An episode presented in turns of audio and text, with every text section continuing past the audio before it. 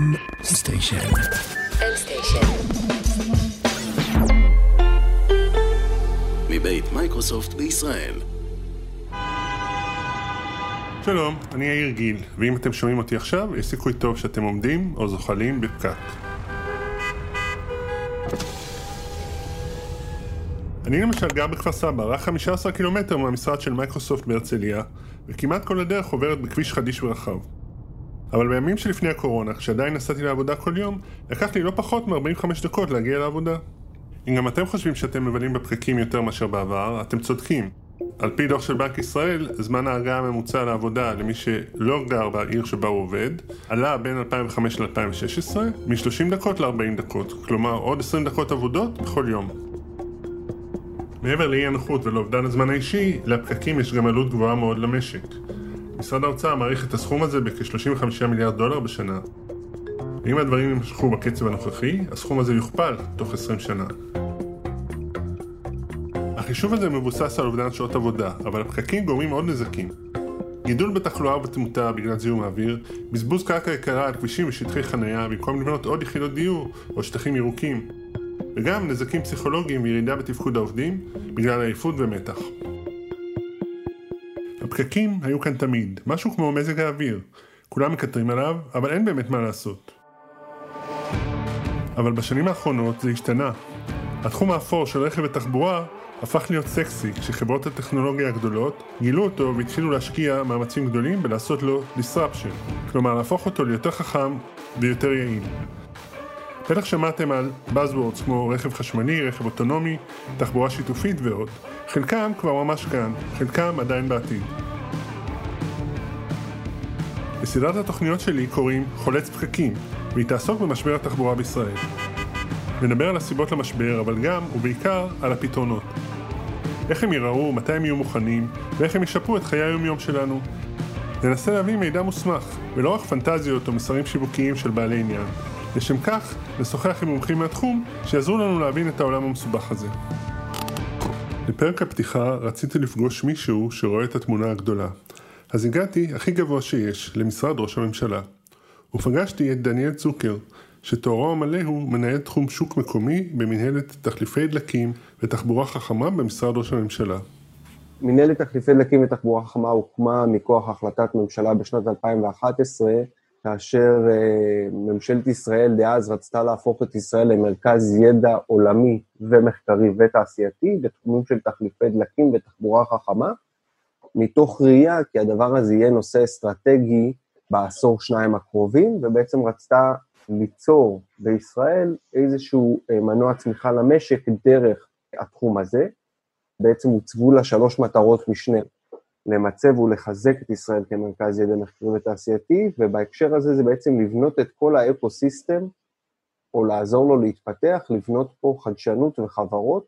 המטרה השנייה זה להטמיע טכנולוגיות נכונות בשוק המקומי, זה התפקיד שלי, זה אומר שאנחנו צריכים להיערך גם רגולטורית, גם תשתיתית, להטמיע טכנולוגיות שכבר בשלו, והמטרה השלישית היא בעצם לעשות אה, שיתופי פעולה בינלאומיים על מנת בעיקר להשיג את השינוי העולמי המיוחל, ופה אנחנו מסתכלים על הדבר בצורה עולמית. המנהלת שדניאל עובד בה מתאמת תכנון ועבודה של מספר רב של משרדי ממשלה. משרד התחבורה כמובן, אבל גם המשרד לאיכות הסביבה, משרד האנרגיה, הכלכלה, המדע, המשפטים והאוצר, ואלה רק חלק. שאלתי את דניאל מה בעצם הבעיה, ולמה כולם נזכרו עכשיו. ניידות כשלעצמה זה ערך שאנחנו uh, שמחים ורוצים שלאנשים יהיה איתו. הבעיה היא בזה שאנחנו התרגלנו שהניידות נושאת עימה הרבה מאוד עלויות חיצוניות בגלל חוסר היעילות שלה.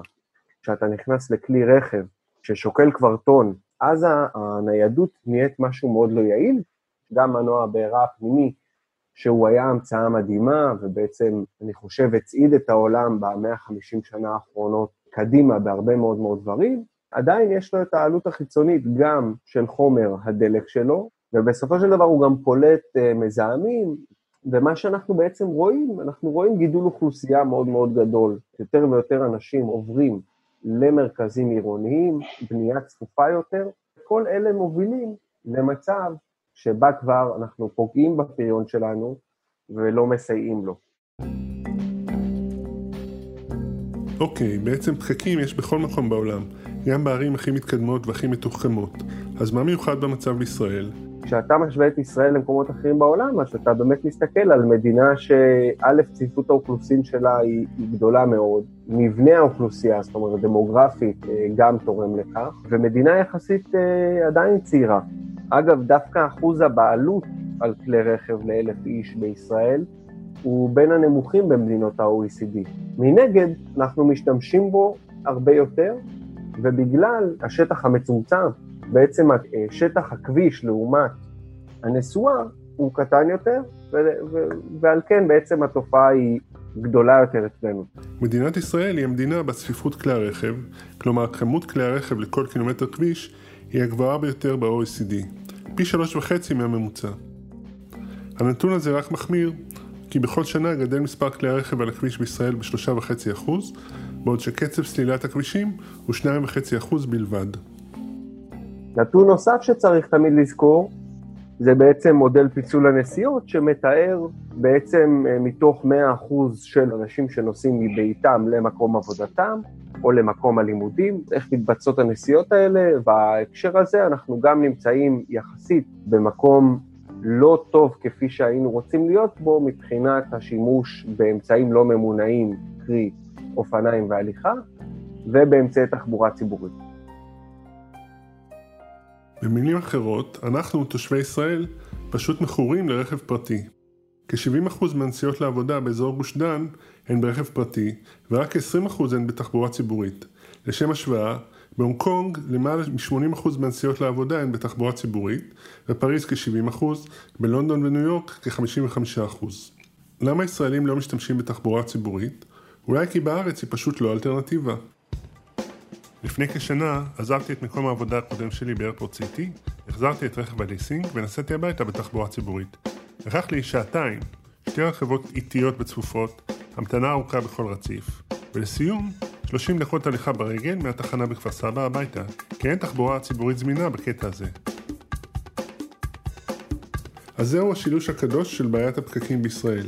יותר מדי נסיעות, פחות מדי כבישים, והיעדר תחבורה ציבורית טובה מספיק. אז מה אפשר לעשות? האמת שעושים לא מעט. כל מי שמסתובב בארץ בעשור האחרון רואה את ההשקעה הגדולה.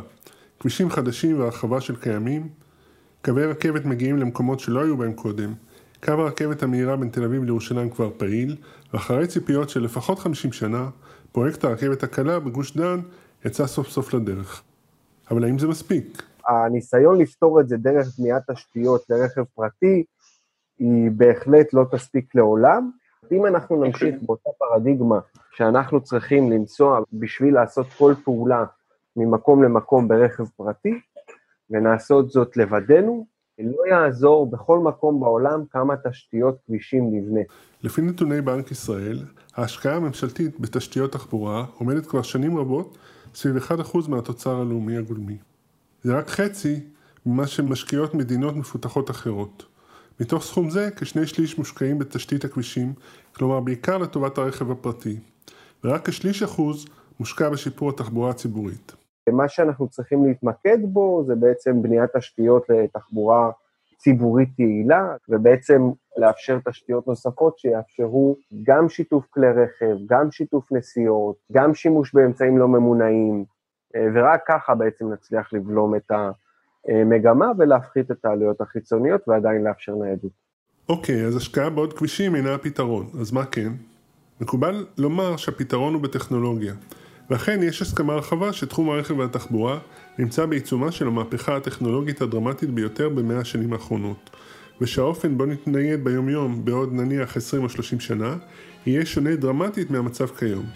המהפכה הזאת נקראת באופן כללי מהפכת התחבורה החכמה, ומושקעים בה מדי שנה עשרות מיליארדי דולרים על ידי חברות הרכב וחברות הטכנולוגיה הגדולות, ומעורבים בה גופים עירוניים וממשלתיים רבים בכל העולם, בתור מי שאמורים לאשר ולהטמיע את הטכנולוגיה הזאת בתשתיות ובסביבת החיים שלנו.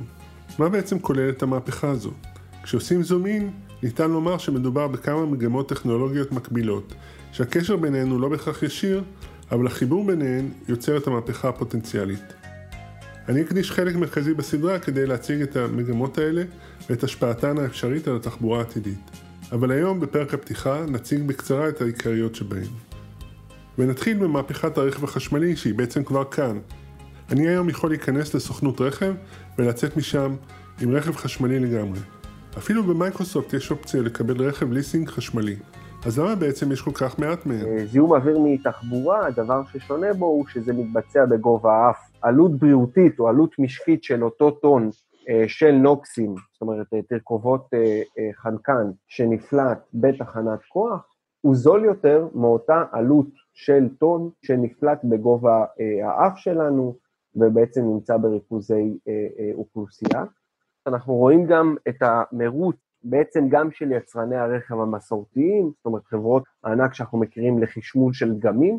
שוב, הדבר הזה גם ניכר בדרישה של מדינות אירופאיות רבות להפחתת זיהום האוויר מתחבורה, ואנחנו רואים גם שחקנים חדשים שבעצם נכנסו לשוק ושינו מאוד את המגמה. אנחנו רואים הרבה מאוד התקדמות טכנולוגית שמאפשרת את הייצור הסדרתי של כלי רכב כאלה, בראש ובראשונה אנחנו מדברים על טכנולוגיות אה, בעצם הבטריה, הבטריות ליטיומיון, צפיפות האנרגיה שלהם, היעילות שלהם, ואולי הכי חשוב, גם ירידת המחירים. המורכבות של לעשות רכב חשמלי בגלל שהמנוע שלו הוא פשוט יותר, הולכת ויורדת, ואנחנו בעצם רואים יצרנים חדשים שמושכים הרבה מאוד תשומת לב, ובעצם הכניסו הרבה מאוד תחרות לדבר הזה. ובאמת בעשר שנים האחרונות אנחנו רואים גידול מסיבי במכירות של כלי רכב חשמליים. אם אני זוכר נכון, אנחנו מדברים על משהו כמו 8 מיליון כלי רכב עד כה שנמכרו. יש לך איזושהי הערכה, מתי באמת אה, נוכל להגיע למצב שבאמת חלק משמעותי מהמכונות על הכביש הם חשמליות?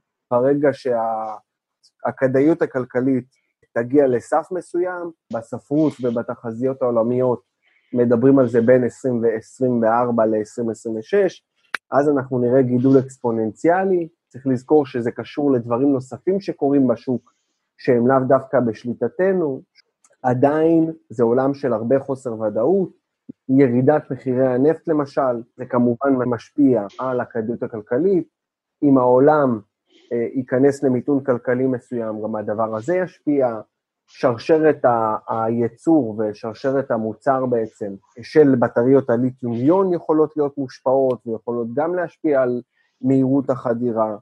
אז יש פה הרבה מאוד, עדיין הרבה מאוד חוסר ודאות לגבי הזמנים.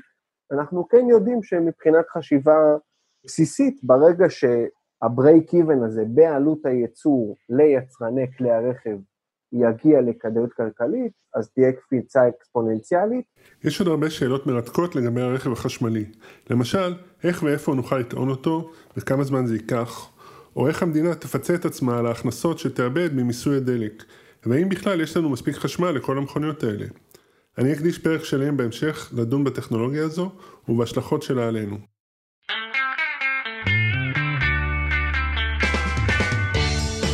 המגמה החשובה הבאה היא אולי המרתקת והמדוברת ביותר מבחינה טכנולוגית, הרכב האוטונומי. חזון המכונית ללא נהג מציב שורה ארוכה של אתגרים טכנולוגיים. סנסורים מתקדמים, big data, AI, cyber security, edge computing ועוד ועוד. וכמובן, איך להתקין את כל זה ברכב בגודל סביר ובעלות הגיונית מבחינה כלכלית.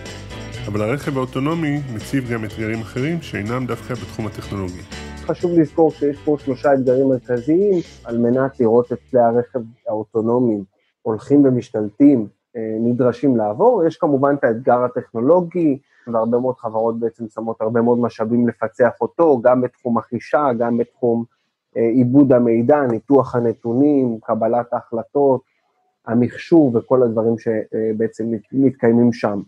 האתגר השני הוא האתגר הכלכלי, זאת אומרת, מתי יהיה שווה להפעיל את כלי הרכב האוטונומי כן. הזה, אה, בהנחה ואתה אה, אה, בונה כלי רכב אוטונומי שמתפקד מעולה, אבל עולה סכומים כאלה שהוא לעולם לא יהיה כלכלי, אז אין בעצם שום ערך בפריסה רחבה שלו. והדבר השלישי, זה האתגר הרגולטורי שממשלות רבות בעולם בעצם נדרשות אליו, לראות כיצד אפשר להבטיח נסיעה והפעלה של כלי רכב אוטונומיים, תחת הידיעה שא' זה יהיה בטוח לציבור, וגם בעצם לשנות את החוקים על מנת לאפשר לזה לקרות. גם למהפכת הרכב האוטונומי נקדיש לפחות פרק שלם בהמשך הסדרה. אבל חשוב לזכור שבפני עצמם רכבים אוטונומיים לא בהכרח יפתרו את בעיית הפקקים. אם פשוט נחליף כל רכב עם נהג ברכב ללא נהג, נקבל אותה צפיפות על הכביש. התנועה תהיה כנראה יעילה יותר ועם פחות תאונות, אבל עדיין צפופה מאוד.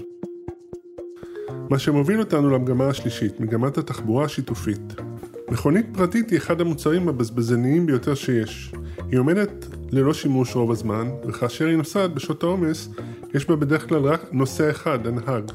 הרעיון שמאחורי התחבורה השיתופית הוא לצרוך ניידות כשירות, שנשתמש בו ונשלם עליו רק כשאנחנו צריכים אותו, במקום לרכוש רכב כמוצר שאנחנו משלמים עליו גם כשאיננו משתמשים בו. זה כמובן לא רעיון חדש, מוניות למשל עובדות בדיוק לפי המודל הזה, וגם שירותי הסעות מודרניים כמו אובר וליפט. התקווה היא שהתפתחות הטכנולוגיה תאפשר להפוך את השירות הזה ליעיל, זול ונוח יותר, כך שיהווה תחליף אמיתי לרכב הפרטי. התחום של תחבורה שיתופית הוא בעצם מאוד רחב, וכולל הרבה מודלים טכנולוגיים ותפעוליים שונים. ביקשתי מדניאל שיעזור לעשות קצת סדר. בעצם מסתכלים על הנדבך השיתופיות כעל ניידות שיתופית, ולא, זאת אומרת, זה השם הכולל.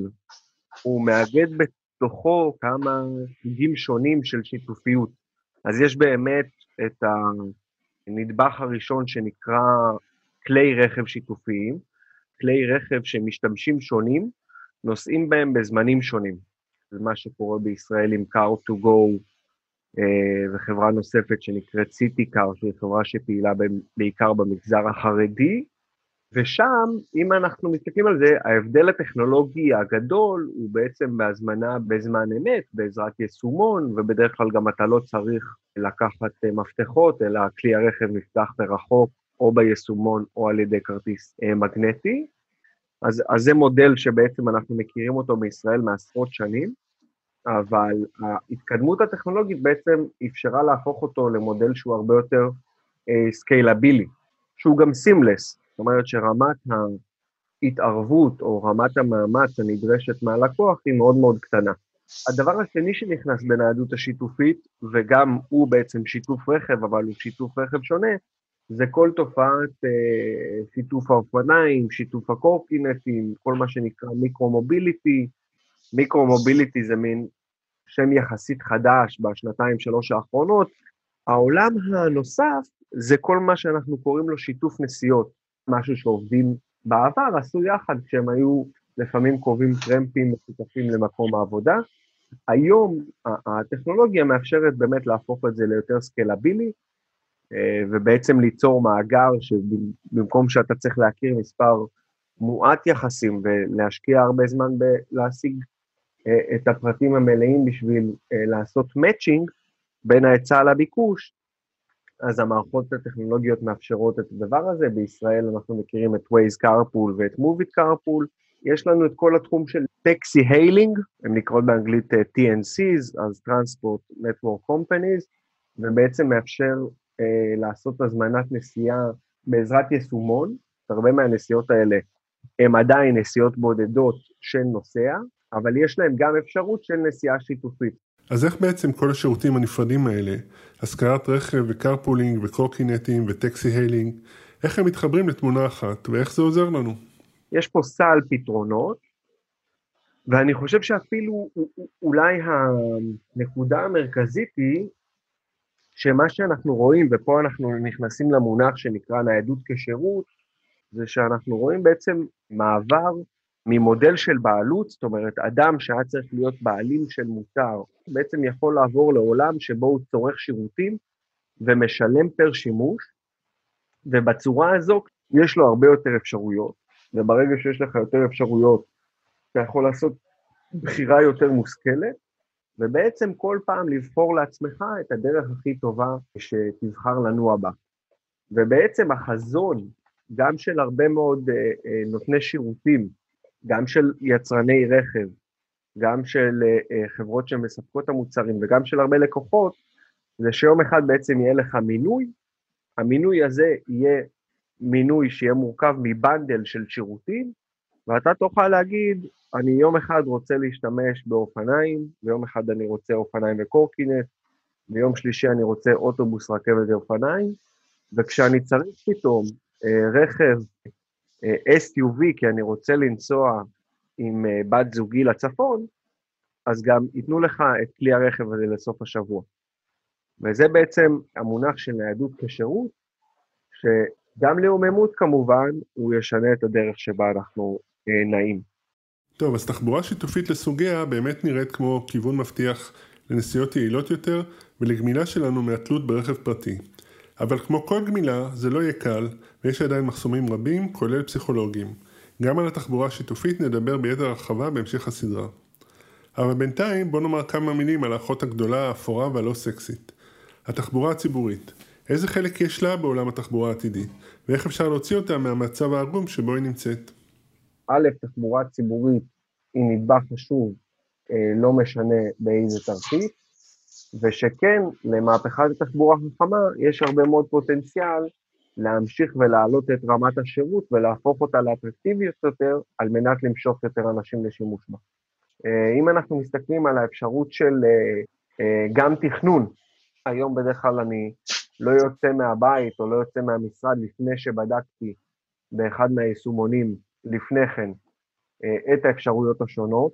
לאחר מכן יש את עניין התיקוף, באמת היינו רגילים אה, לשלם במזומן, עברנו לתשלום ברב-קו, משרד התחבורה פרסם לפני כמה חודשים, פרסם את המכרזים לכרטוס סלולרי, זאת אומרת תוכל לכרטס אה, בעזרת יישומון מהטלפון החכם שלך, והדברים האלה יש להם בעצם גם כמובן קלות רבה למשתמש, זאת אומרת ככל שהתחבורה הציבורית היא יותר קלה זה עושה אותה יותר אטרקטיבית, ומנגד גם כמות הנתונים ונתוני העתק שמוזנים חזרה למתכננים, מאפשרים בעצם לעשות ייעול של מערכת התחבורה הציבורית ולהפוך אותה אה, לטובה יותר, וזה בעצם מעגל איזון חיובי. וגם מגמת החשמול, גם זה כשלעצמו, א', הופך את הנסיעה בתוך כלי הרכב לשקטה יותר ונעימה יותר, גם לדיירי הרחוב.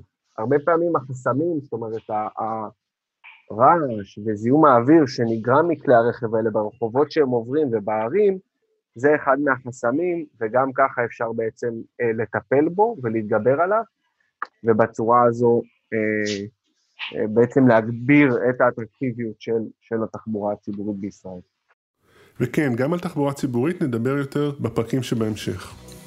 אז דיברנו על המרכיבים העיקריים של מה שנקרא מהפכת התחבורה החכמה. כפי שכבר אמרנו, טכנולוגיה היא רק טכנולוגיה, ותלוי מה עושים בה. איך מכל אבני הבניין האלה נבנה עתיד יותר טוב לכולנו.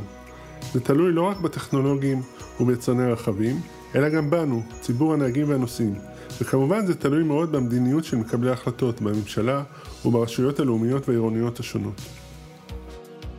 ברור שיש פה שאלות אה, אה, של מדיניות. נניח ובאמת בעוד אה, חמש שנים מהיום, אה, ישנו רכב שמאפשר לך נסיעה שיתופית בצורה אוטונומית והוא גם חשמלי, ואז באמת בתרחיש הקשה יותר אנחנו אומרים העלות השולית של הנסיעה ירדה מאוד והנוחות עלתה, ועל כן הרבה מאוד אנשים עוברים להשתמש בו, פתאום אה, עושים נסיעות שהם לא היו עושים לפני כן, ואנחנו מקבלים יותר גודש מאשר פחות גודש.